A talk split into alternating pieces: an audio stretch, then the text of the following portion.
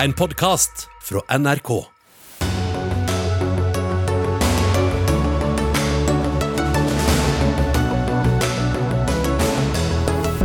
Kommuner innfører forbud mot handlekurver og vil tvinge syke hytteturister hjem. Så hvilke regler gjelder for påsken? Det får vi vite nå.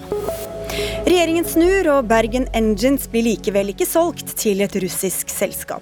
Denne saken avslører manglende kontroll over nasjonal sikkerhet, kritiserer opposisjonen. Med stengt uteliv og lukkede landegrenser har nordmenn strømmet til Vinmonopolet og kjøpt mer øl i butikkene.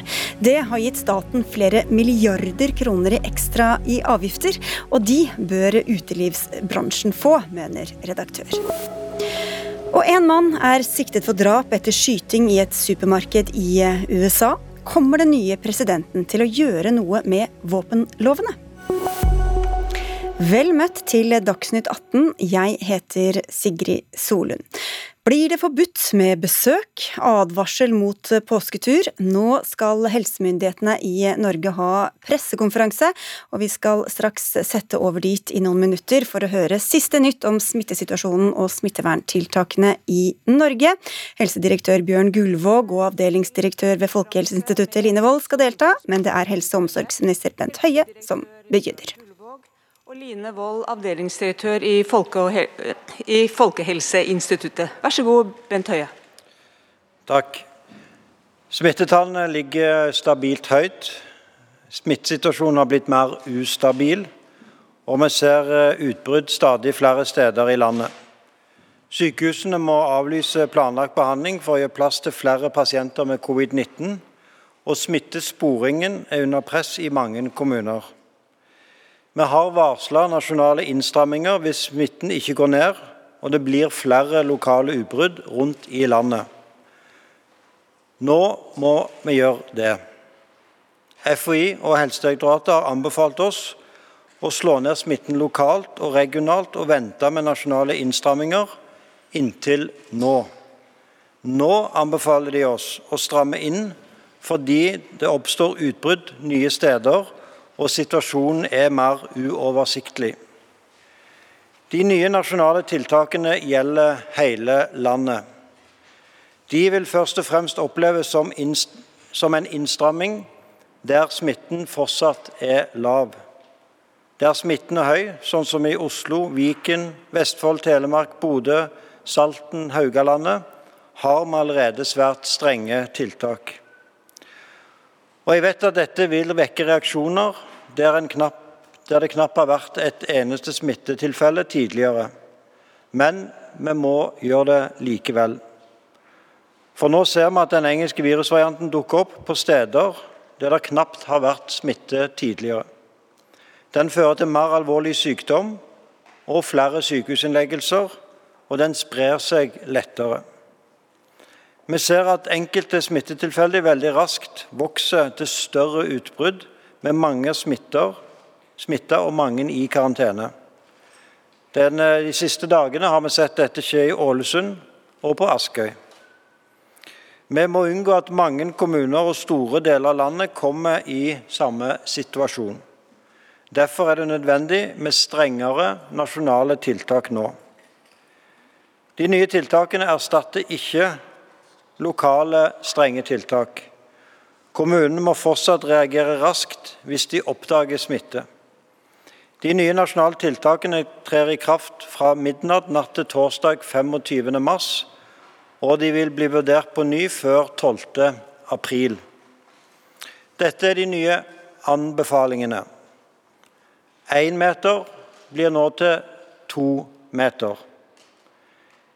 De som du hittil har holdt minst én meter avstand til, må du fra nå av holde minst to meters avstand til. Vi anbefaler nå maks to gjester på besøk. Hvis du kommer fra et område med høyt smittenivå, bør du verken dra på overnattingsbesøk eller ha overnattingsbesøk.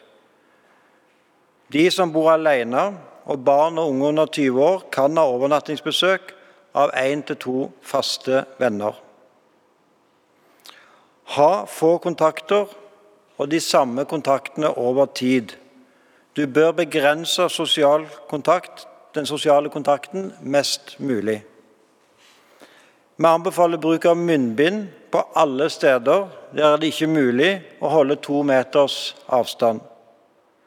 Vi anbefaler folk å bare benytte seg av kjøpesentre og varehus i den kommunen som de bor i. Vi anbefaler at alle reiser som ikke er nødvendige, utsettes med disse unntakene. Reiser til og fra arbeid når det ikke er mulig med hjemmekontor. Reiser hjem til familien for studenter uten familie der de studerer. Og reiser til hytter, fritidsbolig, sammen med egen husstand. Det er tidligere bestemt at det skal være digital undervisning på universiteter, høyskoler og fagskoler fra og med 6. april. Dette fremskyndes nå til 25.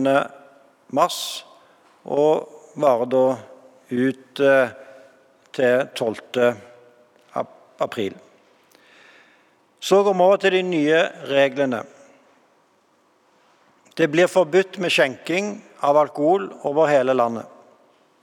Det blir forbudt med innendørs organiserte idretts- og fritidsaktiviteter for voksne, med unntak av profesjonelle toppidrettsutøvere.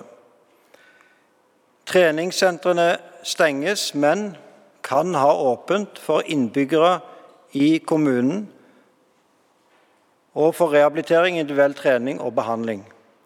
Svømmehaller stenges, men kan ha åpent for bl.a. barn på svømmetrening og personer som trenger basseng til rehabilitering. Fornøyelsesparker, bingohaller og lignende underholdningstilbud blir stengt. Arbeidsgiver skal sørge for at ansatte jobber hjemmefra på arbeidsplasser der det er praktisk mulig.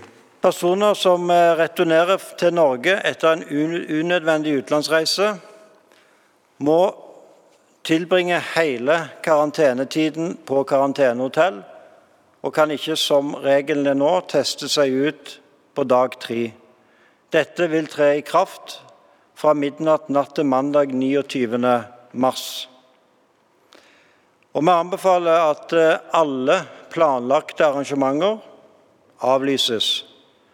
Hvis arrangementet ikke kan utsettes, gjelder disse nye forskriftsfesta reglene. Innendørs tillates 20 personer på arrangementer med faste tilviste sitteplasser. Innendørs tillates 50 personer på idrettsarrangementer for personer under 20 år som tilhører idrettslag i samme kommune. Utendørs tillates kun 50 personer på arrangementer. Det blir tillatt med 50 personer i begravelser og bisettelser når det benyttes faste tilviste plasser. Og De nye nasjonale tiltakene gjelder selvfølgelig òg i påskeferien, uansett hvor den tilbringes. Det aller viktigste er at vi denne påsken reiser så lite som mulig og møter så få som mulig for å hindre at smitten sprer seg. Vi fraråder altså ikke reise til hytta, men reis bare med egen husstand. Hvis du bor alene, kan du reise sammen med en eller to faste venner eller en fast husstand. Kommer du fra et område med høy smitte, bør du ikke overnatte på hotell eller tilsvarende overnattingssted i påsken. Du bør heller ikke dra på overnattingsbesøk eller ha overnattingsbesøk. Anbefalingen om å bare ha besøk av to personer gjelder både hjemme og på hytta. Hvis du bor på et sted der kommunen fraråder besøk hjemme, bør du heller ikke ha besøk der du tilbringer påsken. Anbefalinger om å holde to meter avstand gjelder enten du tilbringer påsken i byen eller på fjellet eller andre steder. Anbefalingen om å unngå steder der mange mennesker samles og munn, eh, og bruk, og å unngå steder der mange mennesker samles og bruker munnbind der det er vanskelig å holde avstand, gjelder òg både på fjellet og i byen. Så er det noe som er veldig viktig, og som gjelder alle. Hold deg hjemme hvis du ikke er frisk, og test deg ved minste mistanke. Hold deg hjemme hvis du er i karantene eller venter svar på koronatest. Og ikke minst, blir du syk og er på hytte eller fritidsbolig, dra hjem. De nye nasjonale rådene erstatter ikke råd og regler i områder med høy smitte og strengere tiltak. Vi vet at disse tiltakene igjen vil ramme arbeidsplasser, spesielt i hotell- og restaurantnæringen. Derfor vil regjeringen i revidert nasjonalbudsjett øke eksisterende kommunal ordning for, eh, å, som gis som kompensasjon til bedrifter som er spesielt hardt rammet. Denne vil økes med 500 millioner kroner. og De vil da komme på toppen av de 750 millionene som fortsatt står igjen på den ordningen. Vi har tidligere varslet at vi trolig kommer til å legge fram den langsiktige planen for gjenåpning av landet i slutten av mars. Det kan vi ikke gjøre sånn som smittesituasjonen er nå. Men arbeidet med planen er i full gang. Og Statsministeren har derfor bedt Stortinget om å få komme og redegjøre om smittesituasjonen og den langsiktige gjenåpningsplanen over eh, påske. Og Da gir jeg ordet videre til helsedirektør Bjørn Gullvåg. Vær så god. Tusen takk. Helsedirektoratet og Folkehelseinstituttet anbefaler nå å iverksette strengere nasjonale tiltak. Vi har fulgt situasjonen nøye gjennom de siste dagene og ukene. Og vi har eh, ventet med å innføre det fordi det har vært viktig å se på effekten av det som allerede er iverksatt. For det første har det vært svært stor forskjell i smittesituasjonen i ulike deler av landet. Noen områder har mange smittede, mens andre har svært få eller ingen. Vi har ikke ønsket å anbefale tiltak som gir større ulemper for folk, før vi mener det er helt nødvendig. For det andre så mener vi at det i bunn og grunn er kommunene som best vet hva som skal til for å slå ned utbrudd, og dermed holde smitten nede lokalt. Vi har sett mange eksempler på at kommuner med god støtte fra Folkehelseinstituttet og statsforvalter har lyktes godt med å stanse smitteutbrudd raskt og effektivt. Den tredje grunnen til at uh, vi uh, har valgt å se dette an i en tid, har vært at det ble iverksatt en rekke tiltak for snart tre uker siden. Vi vet at det tar mellom to til tre uker fra vi setter inn tiltak til de begynner å virke. Derfor valgte vi å vente med å sette inn strengere tiltak til vi hadde sett om tiltakene fra forrige runde hadde hatt tilstrekkelig god effekt. Nå er det flere begrunnelser for at eh, vi mener at eh, tidspunktet er inne. Eh, de tiltakene vi satte inn for noen uker siden har hatt effekt, men de er ikke tilstrekkelige til å stanse økningen i smitte med de nye virusvariantene som vi har nå. Nå ser vi at smitten øker, og at det blir flere alvorlig syke innlagt i sykehus i flere deler av landet. Vi er også bekymret for kapasiteten til å teste og spore opp smitte. Flere laboratorier melder nå at de nærmer seg grensen for hvor mange prøver de kan analysere. Og flere kommuner melder om at de sliter med kapasitet til å spore opp alle som har vært i kontakt med en som er smittet. Hvis kommunene ikke klarer å fange opp eh, smitte, så eh, skal det lite til for at vi mister kontroll og at smitten sprer seg raskt. Derfor anbefaler altså Folkehelseinstituttet og Helsedirektoratet regjeringen å sette inn tiltakene som statsråden har redegjort for. Tidligere har vi sett at når vi tar ferie, har smitten hatt en tendens til å øke. Det er fordi vi er mer sammen med familie og venner i feriene, og fordi vi reiser mer. Derfor anbefaler vi også regjeringen å innføre disse tiltakene nå før påskeferien. På den måten håper vi at smitten eh, øker Eh, mindre enn den har gjort de siste ukene. Da forlater vi pressekonferansen. De som vil følge den videre, kan høre på Alltid nyheter eller se på NRK2, men vi har deg her, Camilla Stoltenberg, du er jo direktør ved Folkehelseinstituttet. Hva ligger i det hovedbudskapet som kom her nå? Hovedbudskapet er at eh, vi ser en situasjon som har utviklet seg raskt, med langt flere nye smittede, og langt flere som nå er innlagt på sykehus og trenger intensivbehandling enn for bare få uker siden. Men, men nå kommer det altså omfattende tiltak der hvor det knapt er smitte. Hvorfor det? Fordi at når vi begynner å bevege oss, f.eks. For i forbindelse med ferie, som i påsken, så er det ganske stor risiko for at smitten vil spre seg. Vi har også sett at den har spredt seg, og at det har vært utbrudd ganske mange steder. Så det er stadig nye områder som har hatt den raske smitteøkningen. Og for å forhindre det, eh, som kan skje veldig raskt, og som det er høy risiko for nå, så kommer tiltakene nå. Så forebyggende i forbindelse med påsken, eller? Det er jo ikke forebyggende, egentlig, for vi er allerede i en situasjon der vi har høy belastning i store deler av landet. Det er kanskje ikke så utbredt geografisk, men det er en veldig stor andel av befolkningen som har levd med denne raske smitteøkningen og flere syke eh, over flere uker. Eh, og eh, vi ser at det også kan spre seg til andre områder i landet. Hva er, hva er det som kjennetegner de situasjonene der hvor smitten brer seg fort?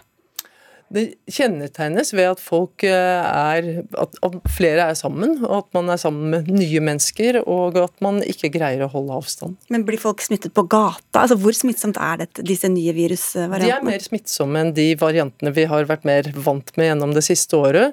Eh, og de er også mer sykdomsfremkallende. Eh, men man smittes på akkurat samme vis, og det er samme behov for avstand. Nå er avstandsanbefalingen økt fra minst én meter til minst minst to meter. Det er tilbake der vi var i fjor vår, og det vil gi god beskyttelse. Og så kan vi legge til munnbind, og vi kan legge til at vi skal se så få som mulig. Og så hørte vi at nasjonale regler ikke skal erstatte strengere lokale tiltak, så det blir fortsatt en, en jungel av forskjellige regler å forholde seg til. Det er ikke så stor jungel som det kan virke som, det er bare at det har vært så mange skifter og det har vært ulike begreper. Nå ryddes det egentlig litt opp i det. Det som skjer nå, er at man hever nivået på de nasjonale tiltakene som gjelder absolutt alle, men man endrer jo ikke tiltakene i de enkelte kommunene og regionene, som begynner å bli kjent med de veldig strenge tiltakene som er f.eks. i Oslo og Viken. Ja, apropos det, statsforvalter eh, Valgjerd Svarstad Haugland, hun liker ikke at innbyggerne i Oslo og Viken drar over kommunegrensene for å handle eller trene eller gjøre andre ting, og vil at også de tilliggende kommunene skal stenge på samme måte. Er du enig i det? Det har ikke vi sett på ennå, eller det kan hende det er noen som sitter og gjør det akkurat nå, men jeg har ikke vært involvert i det i dag. Men det er et veldig godt spørsmål, og vi anbefaler jo som sagt at man ikke skal bevege seg over kommunegrenser, og eh, kanskje særlig der hvor det er stor forskjell i smitten. Og så holder dere på å vurdere denne AstraZeneca-vaksinen, som vi har sett potensielt fatale bivirkninger av i, i, Norge. Vi vet jo ikke helt uh, om det skyldes den eller ikke. Her er den satt på pause, andre vurderer den som trygg nok. Hvordan ligger dere an i arbeidet med den? Det jobbes intenst nå eh, fram mot fredag. Vi har sagt at vi skal si hva som skal skje videre på fredag. Vi kommer ikke til å være ferdig med alt arbeidet da, men vi har etablert samarbeid med de andre nordiske landene, og særlig med Danmark, som er i en lignende situasjon som oss, og som vurderer det veldig likt. Og vi bruker registerdata, vi bruker samarbeid og kontakt med medisinske eksperter som ser på sykdomsmekanismene, og vi prøver å få klarlagt om det er en årsakssammenheng, men også om det fins måter å anbefale AstraZeneca-vaksinen på som er trygg. Så det kan bli aktuelt å anbefale den til noen grupper, f.eks.? Det er en av de tingene vi vurderer. Ville du ha tatt den? Det vet jeg ikke ennå. Den er satt på pause, så det avhenger av hva vi kommer fram til. Hvis vi kommer fram til at den er trygg for folk over 60, så ville jeg tatt den. Og broren din Jens har fått den i gave av Polen. Vet du om han har tatt den? Han skal ta den. du, Danmark sier at de vil åpne samfunnet igjen når alle innbyggere over 50 er vaksinert. Vurderer vi det, eller hvordan vurderer vi det annerledes enn danskene i så fall? Ja, vår foreløpige vurdering har vært eh, når alle innbyggere over 45 år og oppover eh, er vaksinert, og så kan vi se på om det er noe grunnlag for den forskjellen mellom 45 og 50, men den er ikke vesentlig når det gjelder tidsperspektivet. Det vesentlige når det gjelder tidsperspektivet, det er tilgangen til vaksiner, hvordan vaksinene virker, det er kapasiteten i helsetjenesten og kommunene, og det er ikke minst utviklingen i smitte og sykdom. Og så hørte vi på, på pressekonferansen at alt er jo egentlig ganske nedslående. Det er jo ikke helt heldig for folkehelsa det heller. Har du noen råd for hvordan vi skal holde motet oppe nå? Det er ganske krevende nå. Eh, samtidig så tenker jeg at vi må huske tilbake på hvordan vi gjorde det i fjor, og hvordan vi har klart å finne måter å leve på, til og med finne nye ting som folk liker å gjøre. Men lett er det ikke akkurat nå. Takk skal du ha, Camilla Stoltenberg, direktør ved Folkehelseinstituttet.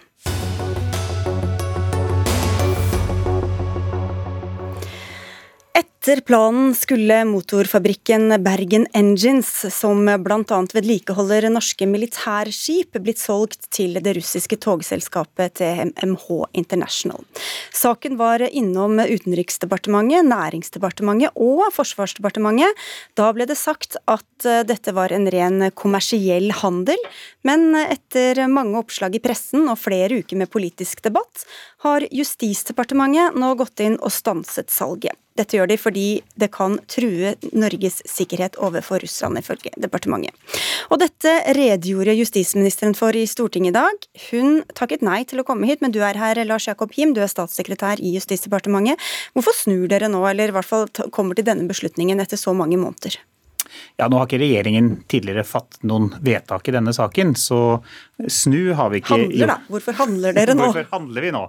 Det er fordi vi har gjort en grundig vurdering av eh, denne overdragelsen fra, eh, fra Rolls-Royce av Bergen, Bergen, Engine til TMH, som er et selskap som har eh, relasjoner til russiske myndigheter. Og Vi har eh, i vår vurdering funnet det nødvendig for å sikre nasjonale sikkerhetsinteresser at eh, de ikke blir truet, at dette salget må stanses. Og det, handler, og det handler om eh, flere forhold. Eh, kanskje det viktigste er eh, at de sitter på teknologi som kunne hatt en stor militær strategisk betydning for Russland. Det er teknologi de ikke har, og som det er krevende for Russland å få tak i. Og det ville også vært en fare for at man ved å kjøpe selskapet kunne unngå eh, eksportkontrollregelverket vi har. Eh, og det ville vært eh, også i strid med norske og allierte sikkerhetspolitiske interesser. Og nå eh, tyr dere altså til sikkerhetsloven, som det har vært mye snakk om i denne saken. Jette Christensen, stortingsrepresentant fra Arbeiderpartiet.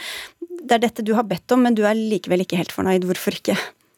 Det er der mange grunner til. Derfor har jeg foreslått en høring. Og nå er jeg glad for at det blir en høring i utenrikskomiteen med justisministeren og forsvarsministeren. Eh, fordi det er det jeg vil snakke med eh, om dette. Det er veldig mange ubesvarte spørsmål. Et av de som eh, ikke er besvart ennå, er hvorfor brukte man ikke sikkerhetsloven når den trådte i kraft? Eh, ikke sant?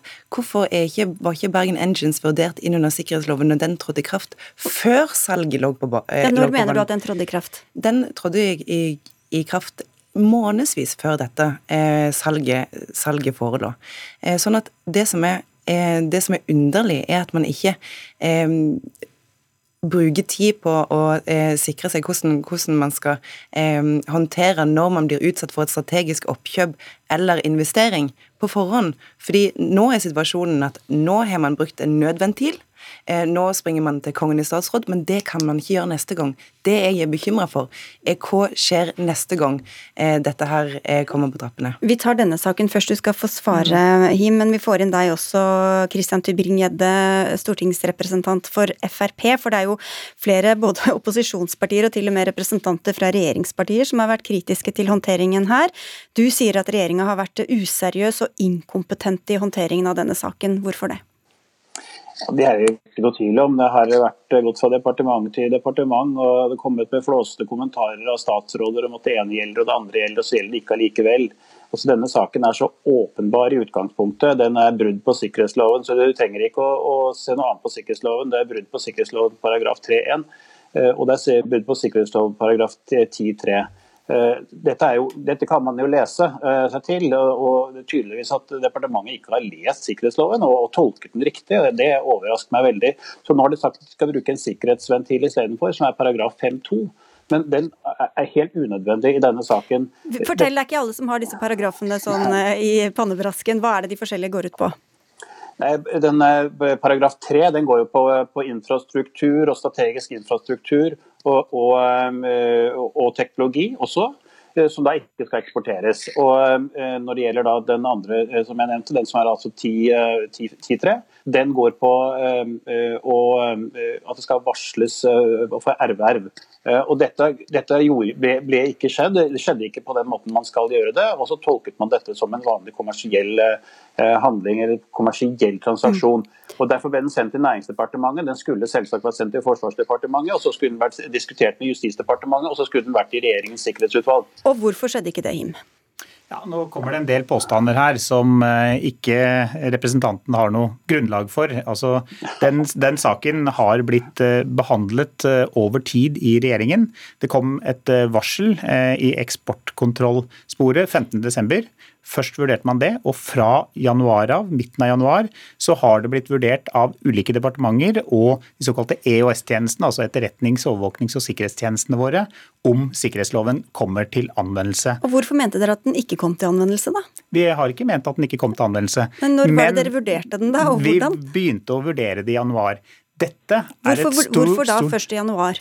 Nei, Det var jo eh, først en vurdering etter, etter eksportkontrollregelverket, som jeg nevnte, fra desember av. og den eh, beslutningen ble formidlet til selskapet 7.1. Og så eh, satte man seg ned og gjorde vurderinger etter sikkerhetsloven. Og det å inn, gjennomføre et sånt inngripende tiltak som vi har gjort i dag, det krever betydelig beslutningsgrunnlag. altså Man skal være sikker på de sikkerhetsinteressene, at de faktisk blir truet.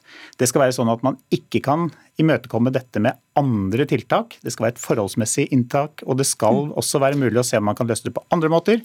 Og vi har hensyn til eiere, bedrifter, handelspolitiske hensyn. Ja, ikke bare hoppe til loven Tybring-Gjedde før man har vurdert det grundig, da. Nei, nå har de brukt fire måneder på å vurdere dette her. Dette er jo dette. Nei, altså, det, sier du tre år nå. Det var i desember vi fikk vite i Stortinget i dag. Desember til mars, det er fire måneder. Så, så hvis du begynner tre, så må du høre på din egen statsråd. da. Du må ikke fortsette å si de samme tingene som du har sagt så lenge. Nei, dere har brukt fire, fire, måneder på dette. Og du kunne bare gå tilbake og se på de egne skriftene som er utgitt av denne bedriften, som sier at de leverer motorteknologi til ubåtsindustrien i den russiske marinen.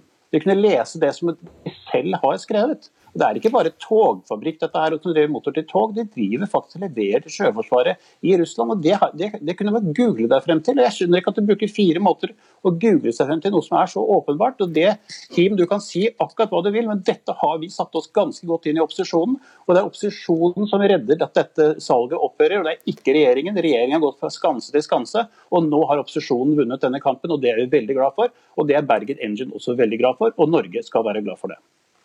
Ja, altså, Det jeg ikke forstår, er, er hvorfor denne sikkerhetsloven ikke er blitt vurdert eh, før salget, før rublene lå på bordet.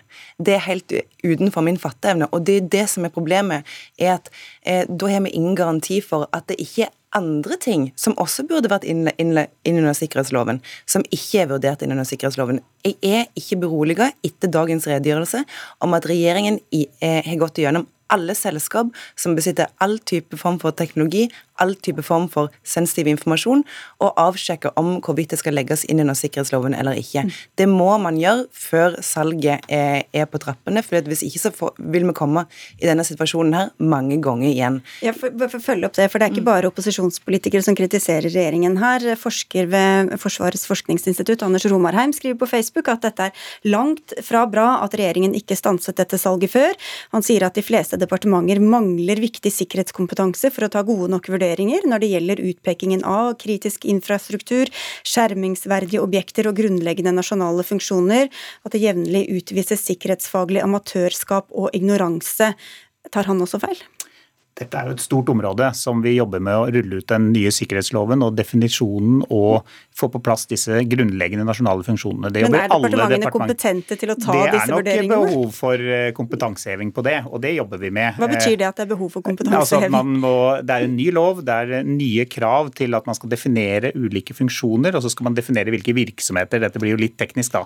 Men, men det skal de ulike departementene gjøre på sitt område. Men gikk ikke dere til valg på uh, satsing på sikkerhet og beredskap? Og nettopp derfor så har vi fått dette nye sikkerhetsloven med de nye funksjonene på plass, og vi jobber med å rulle det ut. I tillegg til at vi jobber med å styrke sikkerhetsloven ytterligere. Det varslet vi i samfunnssikkerhetsmeldingen som kom i høst, hvor vi ser på om vi skal bl.a. senke terskelen på kravene til varsling og andre tiltak for å få registrert flere eh, viktige eh, hendelser enklere. Kristensen, du sier at forsvarsministeren også kan ha brukt opplysningsplikten til Stortinget. Når og hvor skjedde det i så fall?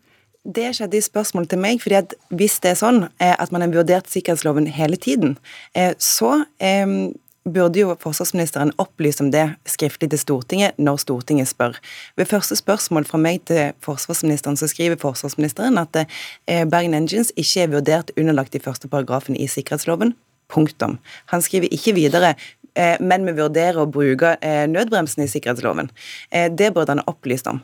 Men det som dere snakker om nå i stad, hvor kompetent er f.eks. Næringsdepartementet i dag til å vurdere sikkerhetsrisiko innenfor, eh, innenfor, selskap, når de klarer å si at denne saken med Bergen Engines ikke er noe departementet verken skal eller vil blande seg inn i. Det er helt åpenbart at alle departement trenger en stor eh, heving av sikkerhetskompetansen, mm. men jeg tror ikke det vil skje under Frank Bakke-Jensen når han har sagt Altså forsvarsministeren. At, når han har sagt at han ikke finner noen grunn til selvkritikk for håndtering av denne saken, der han har kasta selskap og nasjon ut i us usikkerhet, for okay. ikke snakke om ansatte, i tre måneder. Da må Him få svare på det. Ja, altså... Eh nå har jo eh, forsvarsministeren i dag sagt at eh, kommunikasjonen rundt dette kunne vært bedre, og det samme har vel næringsministeren sagt om den uttalelsen. Eh, men det endrer ikke det faktum at vi har jobbet med nasjonale sikkerhetsinteresser og etter sikkerhetsloven siden midten av januar med saken. Og som sagt, dette er store, kompliserte spørsmål som har mange sider, og som det også å sette saken på pause eller å hoppe raskt på en konklusjon, det kan vi ikke gjøre. Dette må vi ha et godt beslutningsgrunnlag for å gjøre. Dere, jeg må takke takke dere, Jette Christensen og Lars Jakob Him, for vi skal få inn en annen person. Men imens han kommer inn, Christian Tybring-Gjedde, nå er jo salget stanset, da. Trenger vi noe mer etterspill, mener du? Ja, nå ser jeg frem til denne høringen i komiteen. Jeg, de er bekymret for at det er den russiske bedriften har selvsagt gått gjennom en due diligence i sin, i, i, for å se hva den faktisk kjøper. og Der ligger jo teknologi. og Hvis den russiske bedriften har fått tilgang til teknologi, eller hvordan den teknologien utvikles, så er det veldig alvorlig. Due diligence pleier å være både finansiell gjennomgang og også en teknologisk gjennomgang. og Russland kjøper jo ikke katta i sekken, de vet hva de kjøper. Og da tror jeg kanskje teknologien har blitt gitt til russerne i mm. forkant, og det er veldig uheldig. Takk skal du ha også, Christian Tybring-Gjedde, stortingsrepresentant for Frp. Men her kan det altså fortsatt skje ting, eh, Lars Nehru Sand, politisk kommentator i NRK. Men først til begrunnelsen for denne eh, snuoperasjonen, sa jeg. Handlingen ble vi vel enige om da, at den er overraskende. Hvordan da? Plutselig sier regjeringen det samme som kritikerne har sagt eh, om regjeringens handlinger hele tiden, og begrunnelsen at loven må brukes, og hvorfor det er det riktige. Eh, og Derfor er det en full retrett i argumentasjonen. Det er en snuoperasjon i hvordan regjeringen argumenterer på en måte de ikke har gjort før fra, fra noe departement. Hvilke konsekvenser kan det eventuelt få for regjeringen, da? Dette er en stygg ripe i lakken for en regjering som i 2013 gikk til valg på å skulle trygge Norge. Det var noe av det viktigste Erna Solberg lovte eh, velgerne. Og denne saken her viser at det er regjeringens koordinering og arbeid med sikkerhet hvor det brister i forståelsen. Man klarer ikke å bruke sitt eget eh, lovverk, og det er eh, ytterst spesielt. og Derfor så tror jeg vi skal være glad for at Stortinget nå vil ha en høring i utenrikskomiteen for å komme dypere til bunns i begrunnelsen og gi oss innblikk i hvordan regjeringen har jobbet med dette, for det har åpenbart ikke vært godt nok. Nei, For at flere departementer har vært involvert, det var heller ikke noe sikkerhetsventil for, i denne saken, da? Nei, snarere tvert imot. Det er jo nettopp koordineringen mellom ulike departement som har gått galt, og det var jo noe av det eh, statsministeren ville eh, bli bedre på, nemlig hvordan man eh, samhandler sikkerhetsarbeidet internt i, staten. Og det viser dette her, at det er ikke dette er jo ingenting ytre ting som har skjedd. Eh, det er bare regjeringens egen håndtering av eget lovverk som har gått galt i denne saken. Nå blir det altså høringer. Takk skal du ha, Lars Nehru Sand, politisk kommentator i NRK, som følger med på saken videre.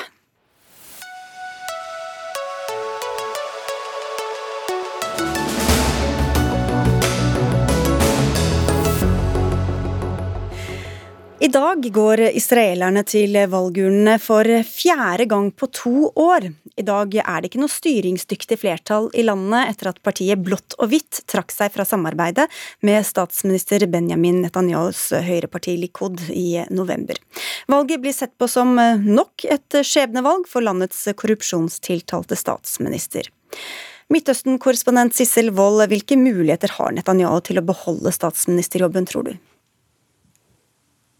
Ja, Netanyahu han er jo en politisk eh, trollmann, men nå ser det ut som det er vinn eller forsvinn for Netanyahu. Eh, noe kommer an på hvor stor valgoppslutningen er i dag. og Hittil så kommer det meldinger om at eh, folk er lei av å ha valg. Og det er ikke så veldig mange som går for å stemme. Jeg ser også at mange av de konservativt religiøse er mer opptatt med å forberede seg til den jødiske påsken enn å gå og stemme. Og også i de arabiske områdene så er det ikke fullt så mange som stemmer som Eh, det gjorde sist. Så vi vet ikke helt hvordan det påvirker det endelige resultatet. Nå er det jo mange som har sett til Israel eh, de siste ukene og månedene pga. vaksinasjonen, som, eh, hvor veldig mange er blitt vaksinert. Netanyahu blir kalt vaksinasjonsengelen på folkemunne. Hva kan det få å si for utfallet, tror du? Ja, Netanyahu har jo virkelig gjort Israel til verdensmester i vaksinering. Dette er selvfølgelig et veldig flott resultat, samtidig som man har fått uh, historiske avtaler med flere arabiske land. Den viktigste er Emiratene. Så man skulle jo tro at han fikk uttelling for dette. Men veldig mange israelere er opptatt av uh, jobb, økonomi, som har lidd under koronaen. Mange arbeidsledige. Og vi har jo sett at det har vært protester mot Netanyahu utenfor residensen hans i Jerusalem i uke etter uke. Veldig mange unge israelere er er lei av Netanyahu, og de mener at han er korrupt. Han er siktet for flere forhold, bedrageri og korrupsjon, og at han ikke er verdig til å være statsminister lenger. Så det er et valg for eller imot Netanyahu for en stor del. Ja, Marte Heian Engdahl, assisterende direktør i Noref, Senter for internasjonal konfliktløsning. En politisk trollmann, hørte vi Sissel Wold kalle ham her. Eh, flere liv enn katten for Netanyahu. Hva er det som gjør at en så omdiskutert og også da korrupsjonstiltalt politiker klarer å komme tilbake gang på gang? Nei, det er noe utenomjordisk med hans evne til å i hvert fall eh, eh, våkne ordentlig til liv i valgkampen. Han uh, har jo en formidabel politisk kraft. Det her uh, vaksineeksempelet Harald Stangel i dag skrev uh, i Aftenposten om hvordan Netanyahu ringer 30 ganger til Pfizer-sjefen for å sikre vaksiner nok til landet. Og det tenker jeg det er mange statsledere som tenker sånn Nå har jeg ringt, kanskje ringer jeg en gang til, men man ringer liksom ikke Pfizer-sjefen 30 ganger. Men det gjør Netanyahu det tar jo om en voldsom politisk kraft. Og så har han et utrolig politisk talent. Eh, så har han eh, skal vi si, tøyelig moral. Han har veldig lett for å kaste hvem som helst under bussen. Han gjør alt som er innafor og utafor spillereglene for å, for å vinne tilbake sin egen makt, og har sånn sett liksom Eh, han har, er på et annet nivå når det er i israelsk politikk. De andre klarer liksom ikke helt å bestemme seg. Skal man spille med de samme eh, løse spillereglene som han gjør, eh, og dermed tape ansikt kanskje pga. det, eller skal man holde seg i skinnet og innenfor spillereglene og da tape? Men hvem og hva er alternativene her, Sisselvold? Ja, en som eh, kan være et alternativ, er Yair Lapid. En tidligere TV-stjerne som har vært i politikken eh, iallfall siden 2012 eh, med sitt eget parti Yeshatid. Det finnes en fremtid. Hvis han greier å bygge en koalisjon Eh, så kan han være et alternativ. Men det store, eh, det viktige her er jo at det er jo ikke noe parti alene som kan vinne de magiske 61 setene i Knesset, som har 120 seter. Man må jobbe for å få en koalisjon. Og den som får flest stemmer, da vanligvis blir innkalt til president Ruben Ruvlin for å, å prøve å skape en koalisjon da man har fire uker på seg. Så jeg snakket med en venn av meg i dag som stemmer eh, langt til venstre. Han håper på Yair Lapid i samarbeid med det tidligere Arbeiderpartiet, som nå er knøttlite, eh, Avoda, og Meretz, da, som er på en måte som SV, støttet av den arabiske listen. Det håper da venstresiden på, men eh, stort sett så er det jo Eh, sentrum høyre nasjonalister som eh, i samarbeid med de ultraortodokse greier å skape en eh, vaklevoren koalisjonsregjering. Høres komplisert ut, Heian Engdahl, men altså fire valg på to år. Er det et faretegn, eller en bekreftelse på at Israel har et velfungerende demokrati, eller ingen av delene eventuelt?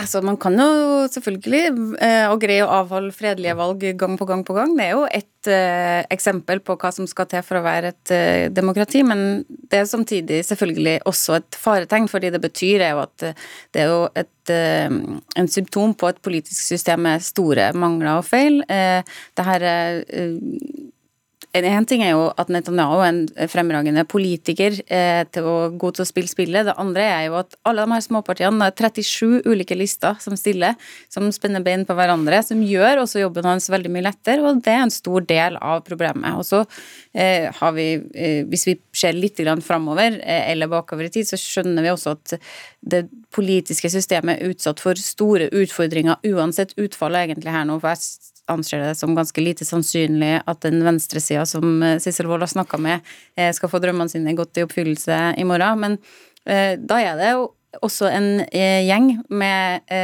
høyrepartier som egentlig kappes i både å undergrave sin egen rettsstat, gi mer makt til politikerne, mindre makt til, til, til dommere, og som ikke minst har stor appetitt for å sluke den palestinske Vestbredden, som vil virkelig liksom være spikeren i kista da, for det å kunne være et eh, levende og liberalt demokrati for, for Israels del. Mm. Og så nevnte jeg jo en eh, korrupsjonstiltale, Sissel Wold. Eh, rettssaken mot Netanyahu er satt til 5. april, to uker etter valget. Men hvor alvorlig er denne tiltalen? Ja, den er jo veldig alvorlig. Han er eh, siktet for korrupsjon og for bedrageri og for misbruk av tillit. Og han kan eh, få flere år i fengsel. Eh, men eh, det som også er viktig her, er at faktisk så blir israelske politikere satt i fengsel. Tidligere statsminister Ehud Olmert måtte sitte i fengsel. Tidligere president Moshe Kassad måtte sitte i fengsel. Eh, og det kan hende at Netanyahu kan få en strengere straff enn de to. Så det er virkelig livet om å gjøre, antageligvis for Benjamin Netanyahu nå. Og for å unngå fengsel så kommer han til å forhandle ganske rått, tror jeg, for å bli sittende med makten. Og israelerne stemmer altså i dag. Takk skal dere ha, Sissel Wold, korrespondent i Midtøsten, og Marte Heian Engdahl, assisterende direktør i Noref, senter for internasjonal konfliktløsning.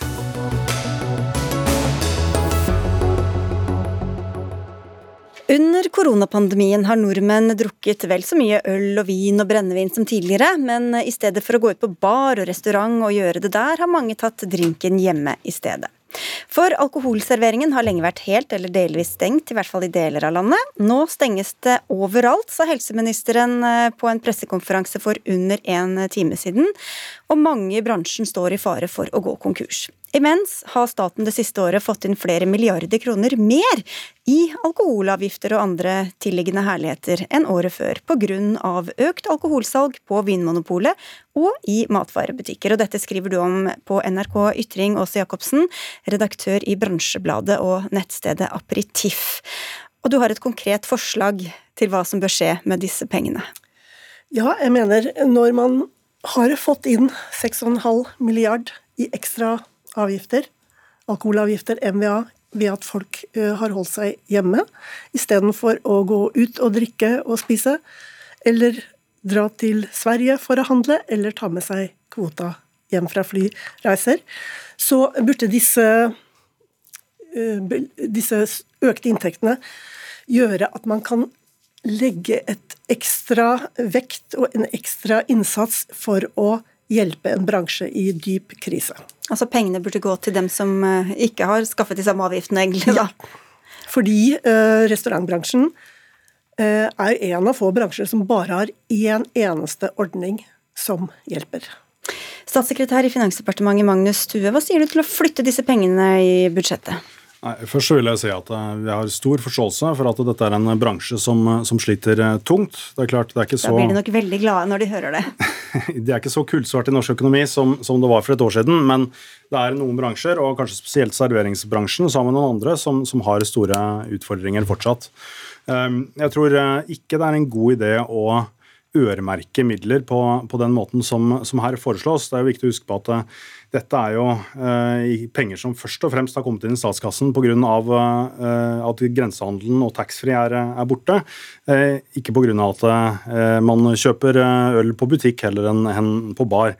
Samtidig så, tror jeg det som er viktig for bransjen, vil jo da være at man har gode generelle ordninger på, på, plass, sånn at eh, gode, levedyktige bedrifter kan komme seg gjennom krisen. Men bare for å se på logikken her, Jacobsen, da er det jo egentlig svenske grensebutikker da, som også står i fare for å gå konkurs, alle som en som burde fått disse pengene? Eh, nei, så enkelt er det ikke. Fordi eh, selv om mye eh, skyldes at folk ikke reiser til Sverige. Så bare tenk på at i dagligvare så øker ølsalget med 35% i februar. Og det er ikke pga. Eh, stengte grenser primært, det er pga. at folk drikker øl hjemme istedenfor på byen. Sånn at uh, bildet er sammensatt. Det er ikke 6,5 milliard som ene og alene skyldes at folk sitter hjemme og ikke går på bar eller restaurant, men en betydelig andel av dette er men det er vel ikke sånn at hvis eh, nettbutikkene øker omsetningen sin, så skal eh, avgiftene herfra gå til de butikkene som må fysisk holde stengt? Nei, men fordelingen av midlene burde være gjort på en helt annen måte. Hvis du sammenligner eh, hvor mye Hvis man tar kompensasjonsordningen og støttebeløpene som er fordelt per ansatt, f.eks. i Oslo, så har jeg gjort en beregning, og da har jeg kommet til et tall på 19 000 per ansatt. Det er mye mer interessant enn å se på totalbeløp. Eh, hvis du tar en av, en av de bedriftene som har hentet mest ut av kompensasjonsordningen, eh, det er PGS Geofiscal, som driver med eh, oljeleting, seismikk. De har fått 840 000 per ansatt. Så da ser vi at det er enorme forskjeller, og her burde det være rom for å øke mm Eh, ordningen, endre ordningen, tilpasse den, sånn at man kompenserer på en annen måte enn bare faste kostnader. For hvis vi ikke tenker på akkurat logikken her, Tue, så er det jo faktisk sånn at staten har jo da tjent mer eh, penger i disse avgiftene, og lite eller ingenting har gått til, til dem som da ellers ville tjent penger på dette salget, men hvis ikke de hadde måttet holde helt stengt pga regjeringens uh, smitteverntiltak. Hvor rettferdig er det? Ja, altså For det første så kan jeg jo forsikre om at eh, koronatiltak ikke er noe overskuddsprosjekt for, eh, for staten. Vi har brukt nærmere 200 milliarder kroner så langt. Um, jeg tror nok at det som um, den kompensasjonsordningen vi har, er generell. Den gjelder alle bransjer.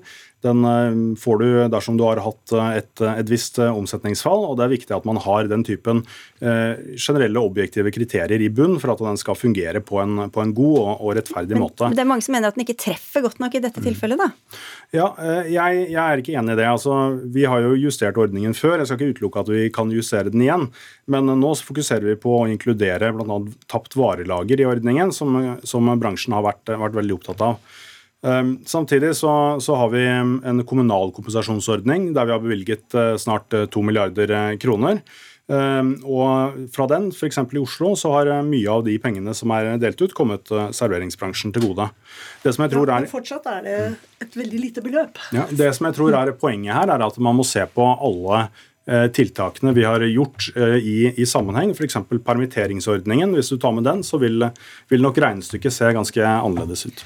Ja, men på den annen side så eh, endret man lønnspliktperioden, sånn at eh, f.eks. En, en av de mest solide bedriftene i restaurantbransjen, eh, Stiansen AS, Stadholdergården bedre kjent som, de hadde et ekstra utgifter til, pga. lønnsplikt på 1 million kroner i november, alene.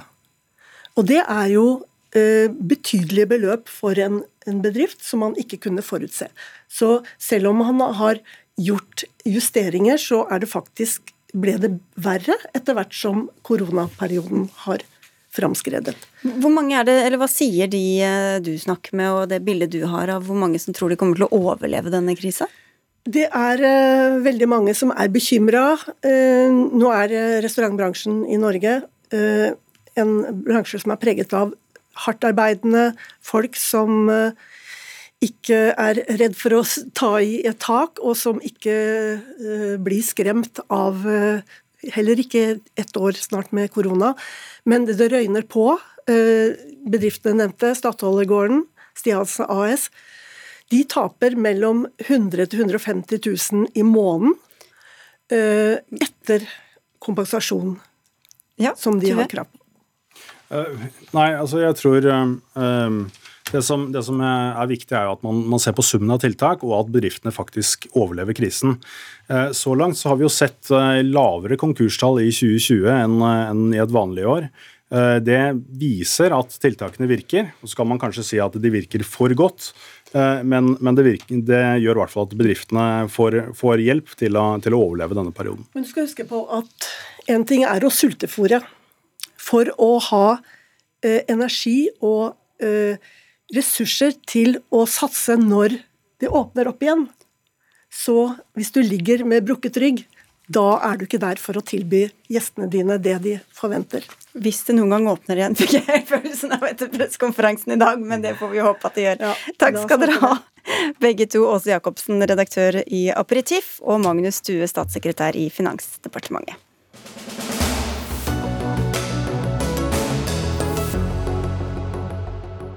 Da skal vi til USA, der en 21 år gammel mann er siktet for drap på ti personer etter skyting i et supermarked i Boulder i den amerikanske delstaten Colorado i går. Blant de drepte var en 51 år gammel politimann som kom til stedet. Den siktede var utstyrt med en rifle. Og USA-korrespondent uh, Anders Magnus i Washington DC, hva mer kan du fortelle om siste nytt? De har jo nå eh, frigjort navnet på den tiltalte. Eh, han heter Ahmad al-Issa, eh, er av syrisk bakgrunn, født i Syria, men har bodd mesteparten av livet i USA. Eh, han har skrevet en del muslimske, lagt ut en del muslimske poster på internett, og det er jo mye spekulasjoner på sosiale medier nå. Broren hans sier til CNN at han som er den angivelige drapsmannen, skal være mentalt syk og at det skal ha vært grunnen, men at han også ble mobbet som barn på skolen pga. sitt uh, arabiskklingende navn. Så Det er det siste nye her. Og så har jo Biden nettopp holdt en tale til folket om dette. Mm. Ja, for jeg tenkte vi skulle se litt bredere på dette, Sofie Høgestøl, førsteamanuensis i rettsvitenskap ved Universitetet i Oslo. Vi husker jo mange skoleskytinger og andre massakre i USA. Nå har det vært ganske rolig der under pandemien. Ser vi nå et USA på vei tilbake til hva vi kan kalle en ganske tragisk normal på dette området?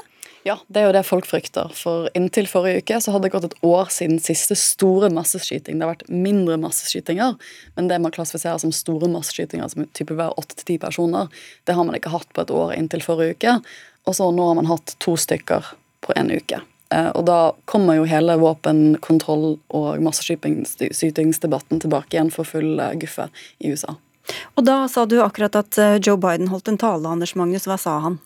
Joe Biden sa i denne talen noe som han har gjentatt mange ganger, og som han har vært eh, eh, som han har ment hele livet, nemlig at man må få strengere bakgrunnsinformasjon og krav om bakgrunnssjekk av alle som skal kjøpe våpen. Og dessuten så bør man forby slike halvautomatiske rifler, som egentlig er en slags type militære angrepsvåpen. Eh, det, det, var forbudt eh, en periode i USA, nettopp på initiativ fra Joe Biden. Så ble det tillatt igjen. Nå vil Joe Biden ha eh, inn igjen dette forbudet. Men det kan bli svært vanskelig for ham, fordi han har et knapt flertall i Senatet. Og det er flere demokratiske senatorer som heller ikke vil ha et slikt forbud og slike strengere våpenlover.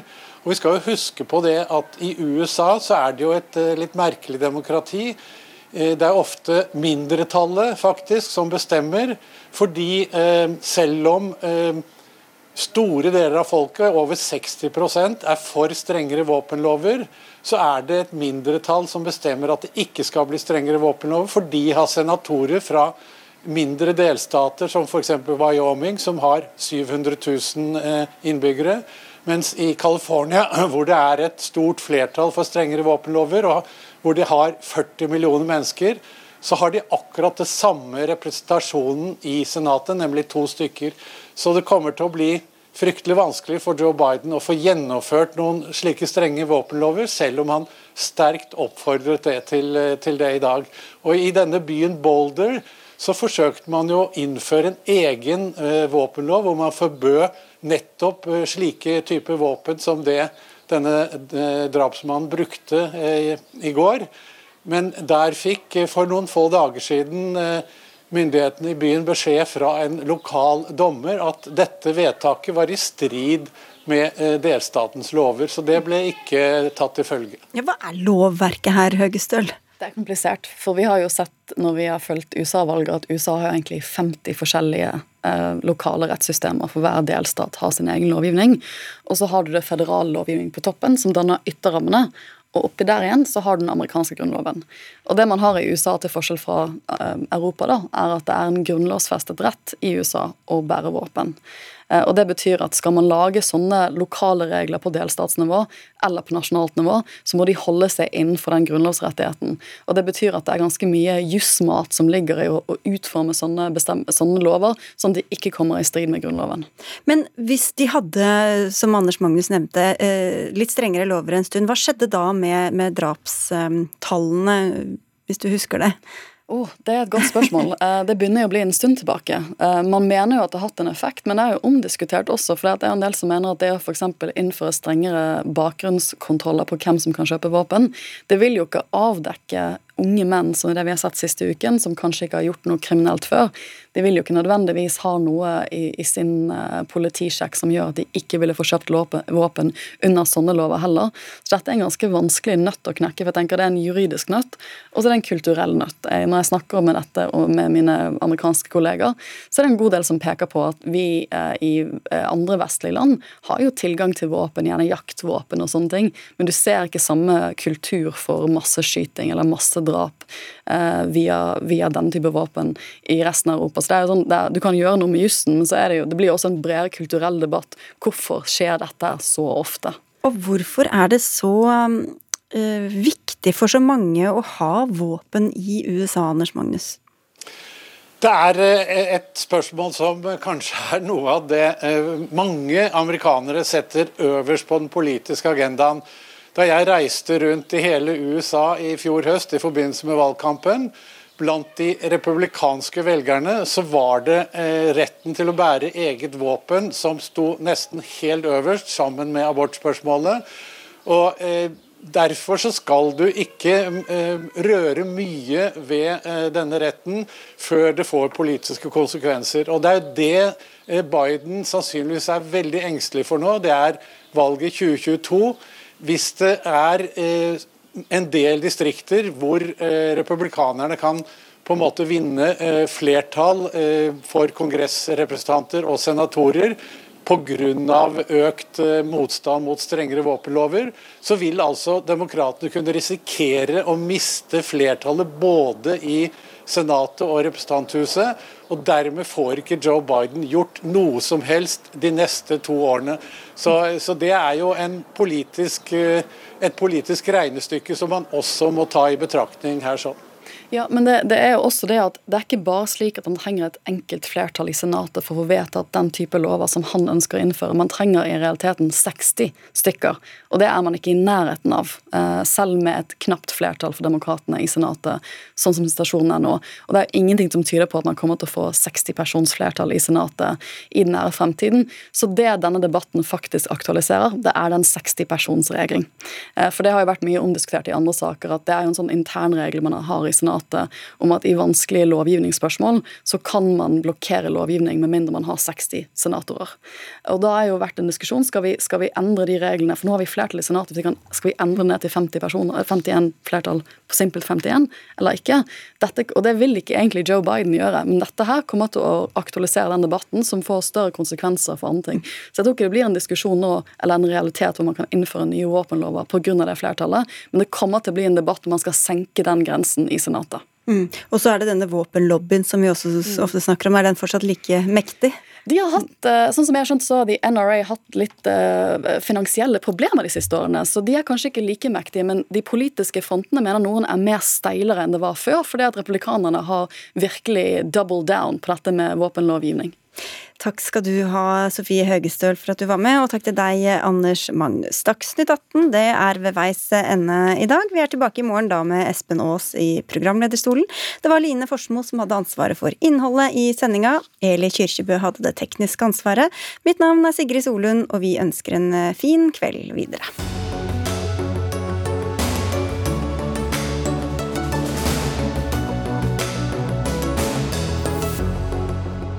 Du har hørt en podkast fra NRK. Hør flere podkaster og din favorittkanal i appen NRK Radio.